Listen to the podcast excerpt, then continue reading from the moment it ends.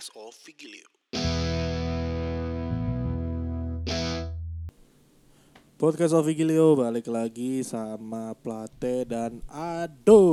Halo Si anak semuanya. Solo. Up, Halo semuanya. What's up, what's up, what's up? Ding ding ding ding ding ding ding ding ding. Eh, suara apaan tuh? Ding ding. Sangka kakak maut Seribu wanita. Bener juga. Jadi under in the backbone udah kita. merasa nyawa gue kelayang dikit ini eh, FYI ini lagi jam 1.57 AM. Eh, Parah sih. jam 2 jam 2 subuh Hmm. kurang tiga kita ngab nga- eh kalau ngabuburit kan mau nunggu buka gitu ya kalau menunggu sahur namanya apa ya ngabuburit Eh, Nggak tahu sih ngibrit gue. sih, ngibrit. Ngibrit. Ngibrit sampai sahur. iya nih sih, kita lapar. mau Jangan ngebahas sesuatu yang di luar nalar manusia nih kali ini nih sama Menarik. Plat menarik. sama Ado juga Agak merinding ya mungkin karena ada lu aja Plat. Oh, ya bisa bisa. Iya. Presence gue tuh emang kerasa banget ah rokok? Oh ini. Ini Ah, kita mau bahas kita mau tukeran tukeran tukeran cerita cerita cerita mistis nih Mantap, mantap. horor. ini pertama kali di POV loh. Gila keren emang. Sebelumnya breakthrough. gua nggak punya nyali ya untuk untuk membuat podcast berte- tuh kan gua ngomongnya aja sampai uh, gitu loh.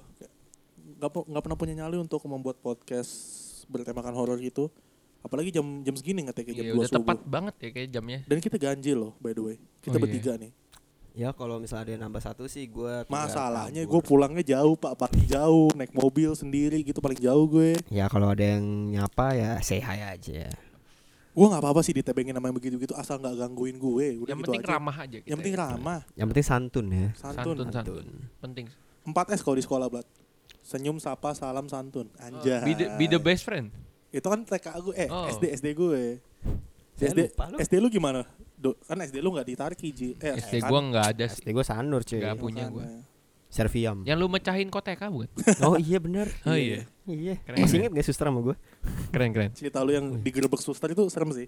Lumayan gue agak sedikit tegang waktu itu Pas kegerebek Tapi kira-kira ada cerita yang lebih serem daripada itu nggak Plat? Oke gue punya satu cerita nih Oke. Apa oke. tuh? Gila. Jadi waktu gue SMP gue sempat pindah rumah kan. Pindah karena Pindah ya, rumah? Ha. karena rumah gue lagi dibangun ulang. Yang ini nih yang kita tempatin sekarang. Yang lagi ditempatin sekarang lagi dibangun ulang ceritanya. Jadi Jadi, lu gue pindah ke rumah. ha, menetap gitu ya di tempat. Ya, Terus? jadi anak rantau lah. Terus habis itu eh, waktu itu jam 11 malam Hmm. gue pergi ke warung. Hmm. Jadi jarak antara warung sama rumah gua yang kontrakan itu kira-kira 300 meter lah cuy. Nah, Jauh juga ya. Lumayan, untuk anak kecil tuh jauh. Jauh jauh. Iya. Dan gue juga bingung kenapa gue masih kecil boleh, boleh keluar malam gitu kan. Hmm. Nah jadi waktu ceritanya gue lagi demen banget nih sama Eminem nih. Ya kan? Eminem. Eminem. Rap Gue lagi suka nge-rap. Yoi, terus. Cuma masalahnya kan kalau orang cupu nge-rap tuh katanya kayak ngomong sendiri cuy. Ah, Jadi gue sepanjang perjalanan tuh kayak ngomong sendiri. Awalnya pas gue pergi tuh nggak ada apa-apa. ya. Pas gue pulang, jadi ceritanya itu waktu hujan tuh. Nah, Hujan, hujanan Hujan. dong lu. pakai payung lah pak. Oh iya, sorry sorry. Jangan sorry. balik ke zaman batu lah tolong. Kok lu bego sih kecil-kecil masih masih bocah? Tadi kelas berapa? Kelas 5 ya? SMP. Oh SMP, sorry. Masih SMP ya udah wajar sih kelas udah jam 11 Pakai payung sendiri malam-malam. Iya, Iya, ke emang gue mandiri banget orang nge-rap gitu ya? Nah iya. Terus terus. Nah jadi ceritanya gue lagi balik nih di ujung jalan tuh ujung gang ada anak kecil cewek nih make topi putih topi yang bundar tau gak sih lu Topi saya bundar. ya Topi apa? Yang kayak kayak Fedora gitu. yang kayak Ya, ini, kayak yang kayak fedora. yang kayak Oh. straw hat-nya Luffy bukan? mirip mirip gitu Iya, terus, nah terus. terus. dia pakai baju terusan warna putih Anjing. nah Waduh, udah gua mulai inget tuh nih kan. Fuck. awalnya gue kira tetangga gue kan karena dia ngelambai ke arah gue cuy Iya, lu lambai balik. lambai balik lah kan gue kira tetangga gue kan Santun gitu ya. santun nah terus pas gue lambai balik gue mikir masa ada sih anak kecil jam 11 malam keluar? Ah, anak kecil bentuknya. anak kecil ya kan? Nah terus gue udah punya Parah, pikiran nih gue mau muter balik cari jalan lain.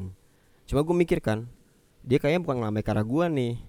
Berarti ngelambai ke arah belakang gue kalau gue muter balik gue nggak siapa nih ntar nih? Aduh. Iya kan? Waduh. nah nggak jadi nih. gue memberanikan diri untuk jalan. Ceritanya waktu itu gue nggak mau lari karena gue takutnya kalau misalnya gue lari setannya tahu gue takut. Jadi mendingan gue jalan pas gue jalan Masuk akal. Terus? itu anak jalan juga ke arah gue cuy wah gue oh, jadi lu pas-pasan pas-pasan gitu ya. Nah, lu biasanya kan adalah kadang-kadang di mana kayak lu memberitahu diri lu sendiri lu jangan lihat gitu kan. Cuma karena gue manusia biasa, gue melihat mukanya. Lu manusia biasa yang layaknya dalam suatu film horor gitu ya. Iya, gue penasaran gue mukanya, cuy. Berarti kalau di film horor tuh pasti lu mati duluan. mati duluan. Untungnya gue belum mati. Nama lu hitam lagi. Biasanya Oh orang iya, hitam mati iya. duluan kalau di Orang film. hitam Gue tuh mati mati duluan. duluan kalau di film kan. Bener juga, bener. Orang Itu mati fakta ya, duluan. itu fakta. Semua film tuh terutama action ya. Hmm. Yang orang hitam mati duluan coy. Bingung ya itu rasis banget. Parah coy. Pas gue ngeliat mukanya, mukanya hitam cuy.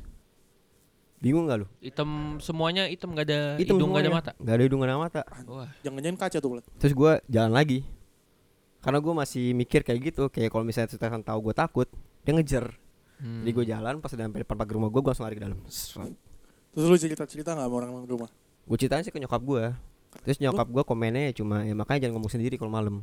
gue kayak oke Hmm. mantap mama. Tapi itu bener sih kata Bener nyokap sih. lu ya. Pasti sejak saat itu lu membuang jauh-jauh cita-cita lu jadi rapper tuh.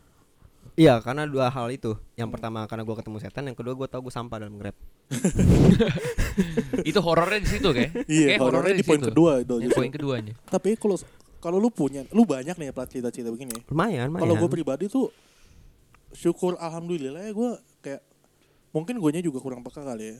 Kalau gue sih paling mantok kan kalau rumah gue kan tusuk sate tuh. Hmm. Jadi gue beli rumah gue itu yang sekarang, lu tau rumah gue yang di Gading Serpong itu Hmm. dalam keadaan murah, tan- luas tanahnya 210. 210 kan gede tuh ya. Hmm. Tapi gue beli waktu itu cuma di tahun 2008 ya. Dulu gue beli tuh cuma 300 juta. Sa- tapi emang rumahnya bobrok, jadi gue renovasinya lebih mahal daripada pas gue beli rumah itu. Renovasinya 400 juta. Itu gue beli satu tusuk sate, dua di depannya tuh pohon mangga yang katanya udah berpuluh-puluh tahun tumbuh di sana. Pohon mangganya tuh udah tinggi banget. Nyokap gue pertama kali nebang aja tuh segan. Bukan nyokap gue sih, kayak dia nyuruh orang, tapi segan nyokap gue. Akhirnya dia membeli dengan potong, untung gak ada apa-apa. Nah, Hmm. yang serem itu pas gue pertama kali datang ke rumah gue dalam keadaan runtuh itu ya masih bobrok itu Hmm. di dinding-dindingnya itu lo tau kan kalau misal di vampir-vampir itu suka ditempelin kayak perkamen Ah iya. Oh nah iya. di dinding-dinding rumah Kertas-kertas horizontal iya eh, vertikal, kertas-kertas vertikal gitu. gitu, yang ada tulisan-tulisan Cinanya ya. Heeh. itu tiap itu waktu gue pertama kali menginjakan rumah itu pas masih runtuh itu di dindingnya it, perkamen semua coy di setiap sudut bahkan di tengah-tengah ruang tengah aja tuh ada perkamennya dan emang kesaksiannya gue nggak tahu ini hoax apa enggak kesaksian dari tetangga-tetangga yang tinggal di situ waktu rumahnya masih hancur tuh emang suka banyak kejadian-kejadian yang aneh gue nggak tahu apa karena waktu gue masih kelas 5 SD kan Ortu lu nggak mikir macam-macam tuh. nggak mikir macam-macam karena ya lu ingat gak sih yang di Insidious Mm-mm. rumah murah ya kan Oh. gede lagi sikat aja. Sikat aja. Berarti emang cocok ya ortu lu kalau film horor gitu tuh sesuai gitu. Tapi ya. gue mikirnya gini sih, Do. sifat-sifatnya. Mungkin aja si Viko tuh nggak pernah digangguin gitu karena setan mikir dia temennya. bukan jadi, jadi bercanda anjing sih bangsat Astagfirullah kan jadi ngomong kasar kan pelat pelat tapi ya nah kamar gue itu yang di rumah itu berhadapan langsung sama jalannya jadi kayak perpotongan jalan tuh bentuk T kan Mm-mm. di perpotongan jalan itu habis garasi kan masuk garasi gue tuh Mm-mm. habis garasi gue itu depannya langsung kamar gue kalau feng shui-nya orang Cina kan nggak boleh tuh Nggak boleh, gue aja nggak tahu. Gue Cina nggak tahu. lah Gue juga setengah Cina nggak tahu gue. pokoknya nggak boleh tuh setahu gue kalau langsung berad- berpotongan nama di jalan gitu kamarnya Hmm. kan nah jadi kamar gue tuh mem- memanjang gitu kayak memanjang dibagi dua sama sebuah lemari besar sebuah lemari besarnya itu pintunya ngadep ke sisi yang lain. Jadi gue tuh kasur gue dempetan sama bagian belakang lemari. Kalau Hmm. gue tidur itu kan gue emang orangnya bodo amat kan kalau gue udah ngantuk tuh bodo amat. Tapi gue sering banget nemuin kayak bunyi-bunyi kerenyit pintu kebuka tau gak sih lu? Kayak Oh, Excel pintu kebuka. Iya. sama kadang-kadang ada kayak semacam eh, semacam apa namanya? Kayak ada pintu digedor-gedor kecil gitu semacam kayak digedor sama anak bayi tau gak kayak duk duk duk gitu. Iya diketok-ketok tapi kayak pelan gitu duk duk duk anjing. Duk duk dan bunyinya beraturan. Duk duk duk. Duk duk duk kalau enggak duk duk duk duk. Duk duk duk duk kayak metronom. Mungkin tuh dia memastikan Viko emang temennya kali ya. Itu paling ngeri sih kalau udah ngetok-ngetok gitu kan. Masalahnya gue udah belakangan-belakangan gitu loh, Dok. Iya, apalagi beraturan gitu kan ketukannya. Iya. Itu sih yang sengaja itu paling itu yang paling yang paling yang paling horor sih di cerita gua nggak ada yang sampai gua bisa melihat penampakan. Untungnya alhamdulillah. Gue Nah. punya satu pengalaman ya. Jadi ini teman gue. Eh kita waktu itu retret nih. Oh, Pas kapan nih? Hah? Pas kapan? Tahun dua tahun lalu itu 2000 berapa ya? 16. 2017 17. 17. 17. kan. Nggak Gua bisa retret ngitung ya? nih. Sorry sorry sorry. Gue habis retret, jadi temen gue nih berdua tiba-tiba ngeliatin ke arah pohon nih dua orang ini. Hmm. Terus gue kagetin dong. Nah terus gue kagetin dong. Mereka kaget banget nih. Terus mereka bilang ke gue, gila lu tau nggak gue habis ngeliat penampakan tadi di dalam pohon itu. Buset. Terus gue bilang, ya lu kalau ada penampakan jangan diliatin, nanti liat balik gimana? Terus Hmm. temen gue dengan sombongnya nih bilang, ya kalau misalnya gue liat balik, gue ajak ngobrol cuy. Nah jadi kalau lu pada yang pernah retret tuh tau lah bahwa tempat retret nggak pernah ngasih bantal guling kan? Betul. Betul. Paling bantal doang sama selimut. Bantal doang sama selimut. Nah jadi temen gue malam-malam dia meluk bantal guling. Yang pas An- paginya bantal gulingnya hilang. Besoknya temen gua juga tiba-tiba ke kamar gua. Gue tanya dong, lu ngapain cuy ke sini? Jadi dia bilang, gua ngelihat di tengah ruangan ada yang berdiri ke arah teman kita tadi yang meluk pocong. Jadi waktu itu gua langsung kayak, hmm, Hmm. menarik sekali teman kita ini ya. Padahal di tempat retret ya. Iya. Tapi justru tempat-tempat yang kayak gitu tuh malah Iya. Sih, Oh, kayak- iya ya, nih. benar juga. kayak lu nggak usah jujur deh misalnya contohnya di film banyak banget film horor yang latarnya tuh gereja betul. ya nggak sih kayak Betul kalau nggak rumah-rumah kalau nggak tempat-tempat yang tergolong suci lah ibaratnya Hmm. kayak tempat-tempat historikal kayak tempat-tempat yang orang tuh sebenarnya nggak expect ada sesuatu di sana biasanya Karena- bangunan yang punya sejarah tuh biasanya banyak sih Karena menurut gua kadang orang yang datang ke tempat suci itu nggak suci cuy. Jadi setan ngikutin. bisa jadi, Bisa jadi. sebuah logik yang logika yang baik ya sebenarnya dari pelatih Iya. ya Gue tuh logis banget orangnya. Kalau Ado gimana nih? Dulu punya pengalaman apa do di Solo do? Nah, karena gue seperti tadi di awal gue orang rantau ya. Ya, seperti di episode Solo. sebelumnya ya Emang ternyata tuh Solo tuh lumayan angker juga gitu ya tempatnya. oh jelas Nah, jadi waktu itu gue habis nongkrong sama teman-teman gue. orang-orang daerah kan kayak animisme masih kuat tuh Iya benar juga. kalau dibanding sama orang Jakarta ya Jadi tuh gue habis nongkrong kan tadi sama teman-teman gue. Terus pas pulang tuh yang arah ke kosan gue tuh cuma gue doang. Jadi teman-teman gue tuh beda arah lah. Oh, gue pernah denger nih, yang lu naik motor ya? Iya, naik Iya, iya, motor iya, gue. iya. Nah, nah, jadi gini nih. Gue ulang lagi aja ya. Oh, buat iya, penonton iya, nih, ya, buat pendengar, pendengar. Pendengar. Anjir ini serem banget sih guys. Salah ya, gak ada yang nontonin muka kita ya. Padahal kita Gak ada, cuma dengar suara kita doang. Kita ganteng-ganteng. Gua Suaranya doang ganteng sih. Gue doang sih. Ya muka lu kayak berdua mungkin ya. Yuk kita mau kita berdua. Jadi abis gue nongkrong tuh jam kurang lebih jam 1 jam 2 pagi lah. Itu kan ya biasalah gue sering pulang jam segitu. Tapi ya kali ini kejadian beda nih. Jadi gue pulang, biasanya tuh kalau arah kawasan gue tuh ada dua jalan. Betul. Mau lu jalan yang rame nih, banyak toko, banyak apa, pinggir-pinggir. Ada yang lu lewat kiri, lewat kuburan. Nah kenapa gue waktu itu milih lewat situ karena udah malam kan kuburan sepi tuh, jalan Sepi. mulus. Lebih Kalau- cepat ya. Iya lebih cepet lah. Iya. Kalau yang lewat jalan satu lagi tuh ada polisi tidur lah, ada lubang gitu gitu. Muter kan. gitu. Muter nggak? I- Muter sih. Muter ya. Lebih jauh lah intinya. Habis itu kan ya udah gue milih nih udah langsung. Tapi waktu itu tuh gue mik gue nggak ngebut. Jadi gue Alot slow gitu lah. ya. 40 50 km per jam gitu lah ya. Sambil Kayak kayak kebut sih kan. Enggak dong. enggak lu ya lumayan lah. Standar ya lah. 40 lah 40. Gue sambil kayak ya udah gue sambil kayak menikmati aja tuh malam gitu kan angin gitu kan. Karena soalnya Solo panas, kalau malam kan dingin enak. Iya iya benar benar. Ya, habis itu gue liat kuburannya nih. Biasanya kan kubur kalau kuburan kan ada pintu masuknya ya. Ada Hmm. pintu masuk tuh. Nah, habis itu gue udah lautin pintu masuk. Oh, aman nih. Gue sambil ngeliat-ngeliat aja gue tuh nggak mikir macam-macam. Habis lewat pintu kuburannya itu tuh di dinding-dinding tuh udah berlubang. Kuburannya kayak emang udah lama gitu. Hmm. Habis Kuburan itu, tua gitu ya. Iya, kuburan tua gitu ya. Habis itu nah, di ada lubang gede nih, ada bolongan gitu deh. Gue sambil ngeliat nih, pas gue sambil ngeliat eh kok ada orang lagi masuk ke arah kuburan jadi la- lagi jalan arah ke situ lah arah masuk kuburan Hmm. nah gue kan mikirnya ya siapa Aduh, nih paling bukan orang itu mah aduh.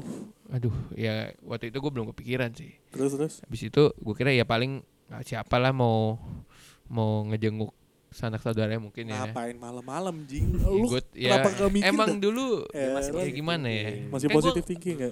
Itu pertama kali gitu loh gue Oh pengalaman pertama iya lo ya? encounter dengan gitulah habis itu Terus terus. cewek kan cewek nih wah biasa dah kayak semua orang gitu ya pasti lihat cewek Cewek cewek. jubah putih gitu kan apa ya kayak jubah gitulah putih terusan gitu kan Iya baju terusan. di situ tapi dia lagi jalan ke sana jadi gua nggak- langsung lihat Ngomongnya mukanya di mic dong. oh iya iya maaf maaf nggak langsung lihat mukanya dari jadi dari belakang. Menghadap belakang gitu ya. iya soalnya kan dia lagi arah masuk tuh kan. Membelakangi lo gitu. gue jadi sambil nyetir tuh pala gue tuh nengok kiri gitu. Sambil ngeliatin gitu ngeliatin ngeliatin. Nah habis itu pas gue udah sambil ngeliatin tuh tiba-tiba dia lagi mau nengok tiba-tiba lagi kamu mau kayak mau nengok ke belakang gitu. Kayak misalnya kayak gimana sih kayak kalau muka lu ngadep belakang nih terus lu kayak agak menyampingkan muka lu sedikit Oh, iya, gitu iya, kan iya. kayak lu mau ngeliat siapa yang di belakang lu Iya, nah iya. dia kayak gitu pas gue kayak gini dia kayak gini tuh Bertemu nggak mata gue lu? masih ngeliatin tuh gue masih ngeliatin kan Aduh, do, goblok banget lu. masih ngeliatin kan pas dia udah begini kan gue udah bisa lihat mukanya tuh mukanya emang ada muka sih tapi gue cuma ngeliat hidungnya sama mulutnya doang gitu loh sama dagunya gitu kan Iya. nah pas sambil gue ngeliatin terus dia senyum nyengir Aduh. Dia senyum kayak gini gitu nyengir gitu ya Iya. nyengir ke belakang itu kayak dia tahu ada gua di belakang Iya, gitu kayak menyeringai gitu ya. sumpah habis itu langsung bulu kuduk gua langsung naik semua Langsung berapa tuh kecepatan lu? langsung gua gas bodo amat motor gua mau kayak gimana gua langsung langsung sambil doa anjing di dalam hati goblok goblok goblok goblok gitu langsung Ngomong-ngomong soal doa ya. Ini ada cerita nih di salah satu mall di Jakarta kan. Ingat gak sih lu yang orang sebenarnya udah urban story sih agak terkenal. Jadi ada orang nonton film Midnight di salah satu mall di Jakarta Pusat lah. Hmm. Jakarta Pusat kan. Terus dia tengah-tengah film nih dia ke WC. Kan udah sepi nih mid- Midnight kan. Bahkan cleaning service-nya pun udah nggak ada kan Hmm. dia nah kan cewek kan kalau cewek kan nggak ada yang apa WC berdiri kan kalau kita kan WC berdiri tinggal kencing tinggal cuci tangan kelar dia mesti masuk ke bilik dong Betul. dia mesti betul. masuk Benar, ke benar. masuk ke bilik dia lagi buang air ada langkah kaki masuk kan Hmm. langkah kaki masuk lu kalau misalnya biliknya yang bolong di bagian kaki lu bisa lihat bayangannya kan bisa Betul. bisa bisa Nah. bisa.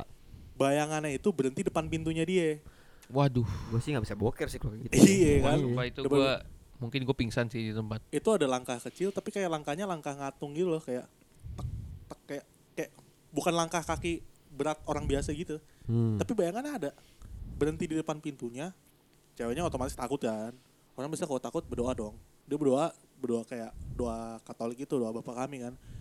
Disebutin tuh. Disebutin sampai kelar dia doa lagi. Pokoknya dia berdoa disebutin. Oh tahu vokal, nih. vokal ya. Dia buka pintunya pas dia buka pintunya orang yang berdiri, gua nggak tahu orang bukan orang sih kayaknya.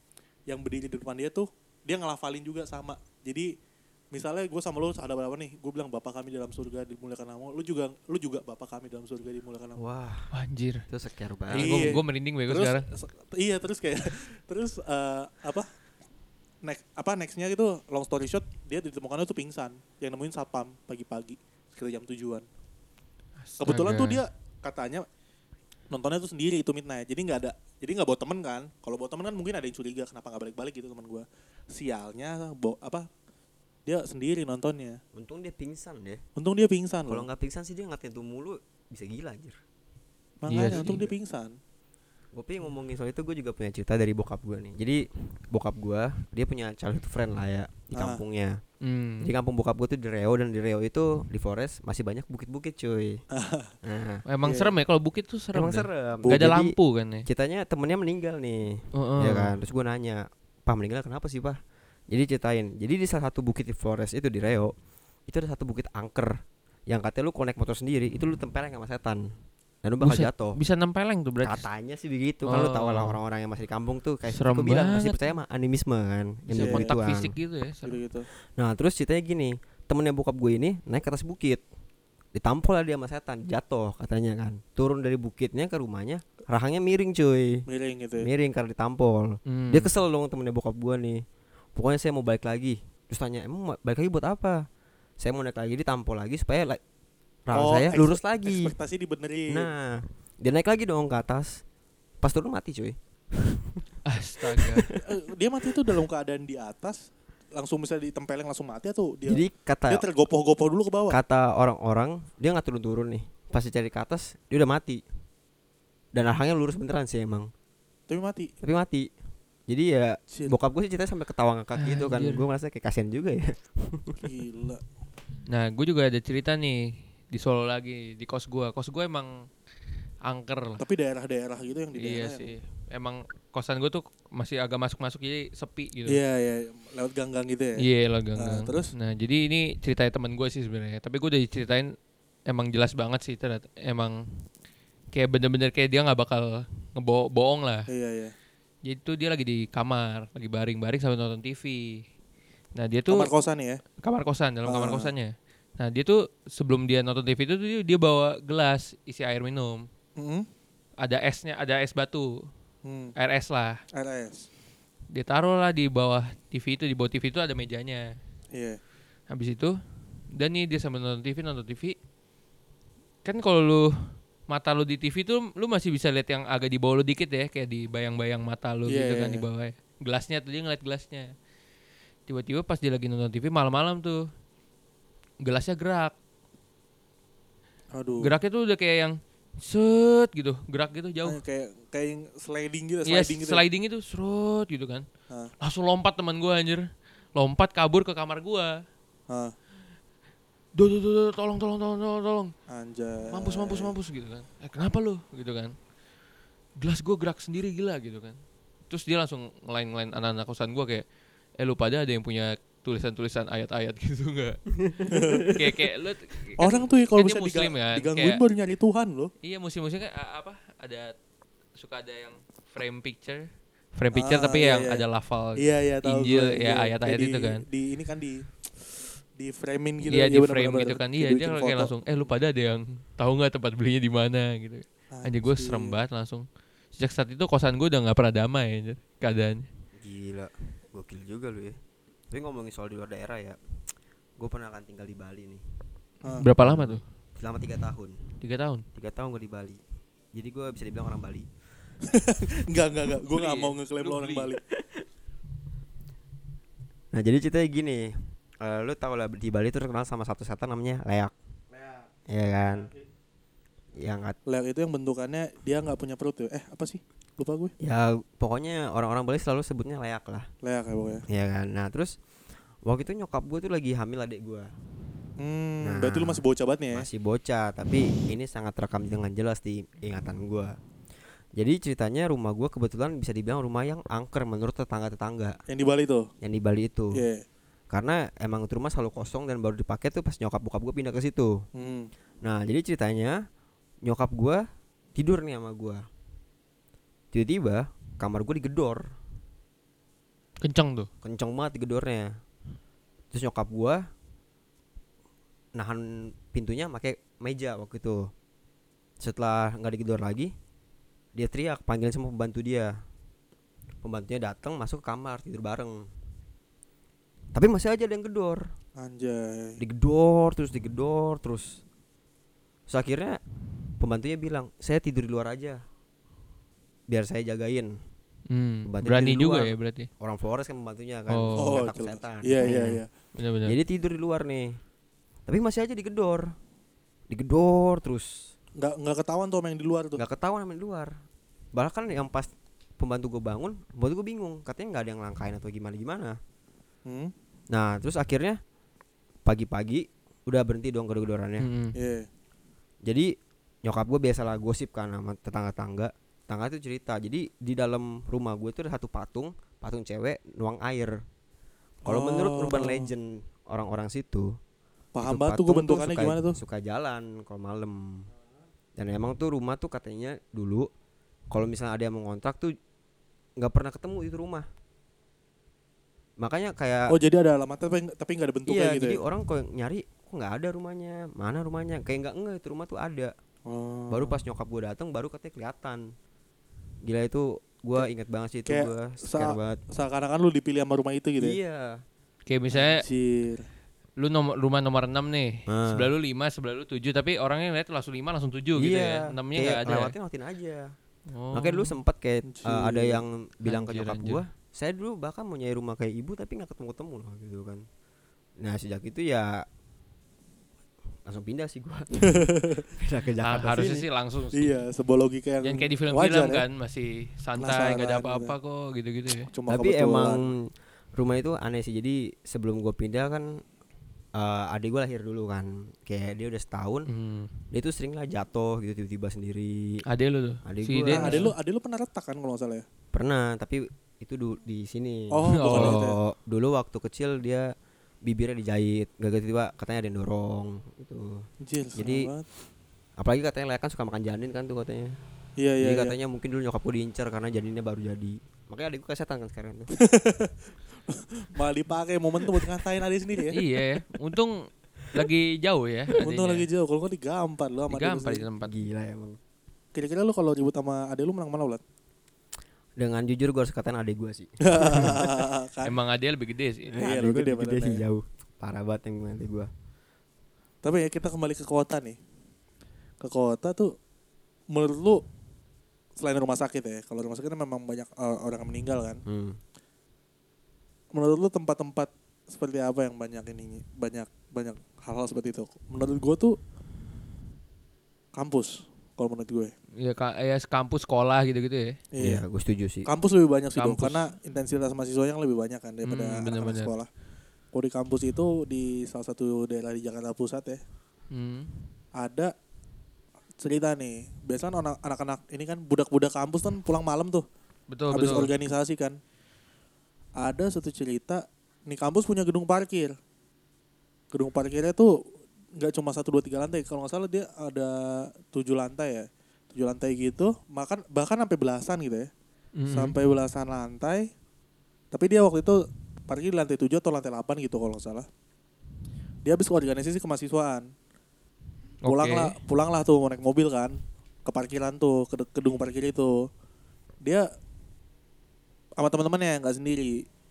Kayak bertiga atau berempat gitu posisi udah malam sekitar jam 10 atau jam 11an dia ribut Ribut, berantem. bukan ribut kayak ribut Oh. bercanda gitu Oh, kan ribut berisik- bercanda berisik gitu. berisik ya. berisik Oh. ketawa-tawa gitu wah wah terus ngomongnya juga kasar-kasar kayak bahasa binatang keluar semua kan kasar-kasar kasar dia masuk mobil normal kan karena mau mobilnya penuh tuh kan dia rame-rame kan Betul, Mo- mobilnya penuh nggak ada kursi lah buat yang aneh-aneh kan jadi aman nyalain Aman, mobil aman. jalan turun dong Jalan kalau gedung, gedung parkir turun dong. Turun. Yoi. turun. Ada tulisannya tuh di belokannya lantai 7 set turun. Lantai 6 set turun. Pas di turunan berikutnya dia bingung. Dia ngeliat di tembok 7 lagi. 7 lagi turun lagi 6 7 6 7 6 nggak Anjir. jadi nggak jadi nggak nyampe nyampe ke bawah. Apa yang dilakukan? Jadi akhirnya- mereka ngestak tuh. ngestak akhirnya mereka balik lagi ke tempat parkirnya tadi. Dia minta maaf. Kayak mungkin dia untung dia nyadar mungkin kesalahan dia Hmm. ribut-ribut akhirnya bisa turun tuh Anjir, Gila. serem banget ya. Anjir gue gue jadi dia gue jadi dia tuh nangis nyet nggak bohong gue pesan moralnya celana, iya, cuy. pesan moralnya memang kita masih santun sih di daerah yang kita belum Santun, terlalu ini ya, santun. belum terlalu familiar Paling penting sih itu. Tapi ngomongin soal rumah sakit ya, jadi gue sempet dirawat kan di salah satu rumah sakit yang lumayan terkenal di di Jakarta, Jakarta oke di daerah Salemba. Kan ada dua rumah sakit tuh, tinggal pilih salah satu yang mana. iya iya Iya, iya tinggal pilih aja di Nah, antara jadi ceritanya gue tuh ah dua-duanya ada lah plat Nah, ya dua-duanya juga pasti ada sih. iya iya. Nah kebetulan rumah sakit yang gue tempatin ini masih gedung-gedung zaman dulu yang ranjangnya tuh masih zaman kayak ranjang penjara gitu loh tau kan lu aduh iya Nah, iya iya iya Rumah Mungkin lu yang gitu murah ya. kali itu. Hah? Yang murah kali. ya bahkan yang VIP pun juga masih cuma Oh. bedanya sendiri aja gitu loh beda rumah rumah sakit rumah sakit tua aja karena iya Oh, iya, nah jadi ceritanya gue tuh tidur di situ bareng empat orang yang berbeda nah suatu malam lu pernah ketindihan kan Eh, tahu Gua kan pernah ketindihan sih. kan Iya, iya, tahu, iya, tapi- tahu tahu Nah, tapi tahu kan. belum jadi gue ketindihannya gue Jangan sih. gerak jangan di kiri ranjang gue ada cewek berdiri cuy. Nah. Nggak kenal dulu. nggak kenal lah gue gue kira suster dong. Cuma aneh susternya cuma ngeliatin gue doang. Hmm. cuma begi- eh, kayak bener-bener natap gue doang. Emang lu gak aware sama pakaiannya Plat atau gimana? ya kan gue ketindihan nggak nggak bener fokus dong. Oh iya iya. nah cuma satu pas itu kan gue maksain tidur kan. Eh, gue ketiduran gue bangun gue mikir ya mungkin emang ketindihan kali kan karena kan ketindihan kan sebenarnya secara ilmiah lu emang mimpi gitu loh kan Iya. Eh ini lu umur berapa by the way? eh gue mau masuk kuliah Oh masuk kuliah. Berarti Nah, udah gede ya? udah gede nah terus gue lihat depan gue nih orang yang di depan gue mau cabut Oh udah kelar gitu ya? ya gue nanya dong wah udah sembuh bro gitu kan kebetulan seumur Heeh. terus tiba-tiba dia nyamperin gue dibisikin gue semalam gue ngeliat ada cewek cuy duduk di pohon jadi kamar gue tuh seberangnya langsung pohon. Oh jendela gitu ya? jendela. Dan gue langsung kayak fuck itu berarti beneran bukan gue ketindihan. Gue pun langsung minta keluar dari rumah sakit itu. Karena gue scare banget cuy. Anjay. tambah lagi pas gue masuk di ICU nya ada yang meninggal sebelah gue Aduh. gila emang. Sebuah kisah yang amat menyeramkan ya? menyeramkan. Dan yang bikin serem sih karena dijadiin joke sama om gue sih Gimana tuh bisa dijadiin jokes Jadi gimana? gue lagi tiduran di ICU-nya. Eh sorry UGD-nya. Di Hah? sebelah gua udah ada yang kayak tepar banget. Terus dia bilang "Eh, lihat tuh sebelah tuh udah mati bentar lagi. Dan ternyata emang bener mati sih nggak lama. Sembarang banget orang Flores kalau bercanda ya bingung Iya. gue. Astagfirullah. Dan dia mati kan overdosis. Jadi stay away from drugs, Bu. Ya itu pesan bener. moral yang bisa Akhirnya kita dari cerita ya. horor ujung-ujungnya narkoba ya. Gitu Iya. ya. Bentar lagi menambah ke seks nih kalau nggak gua Iya. selesain sumpah.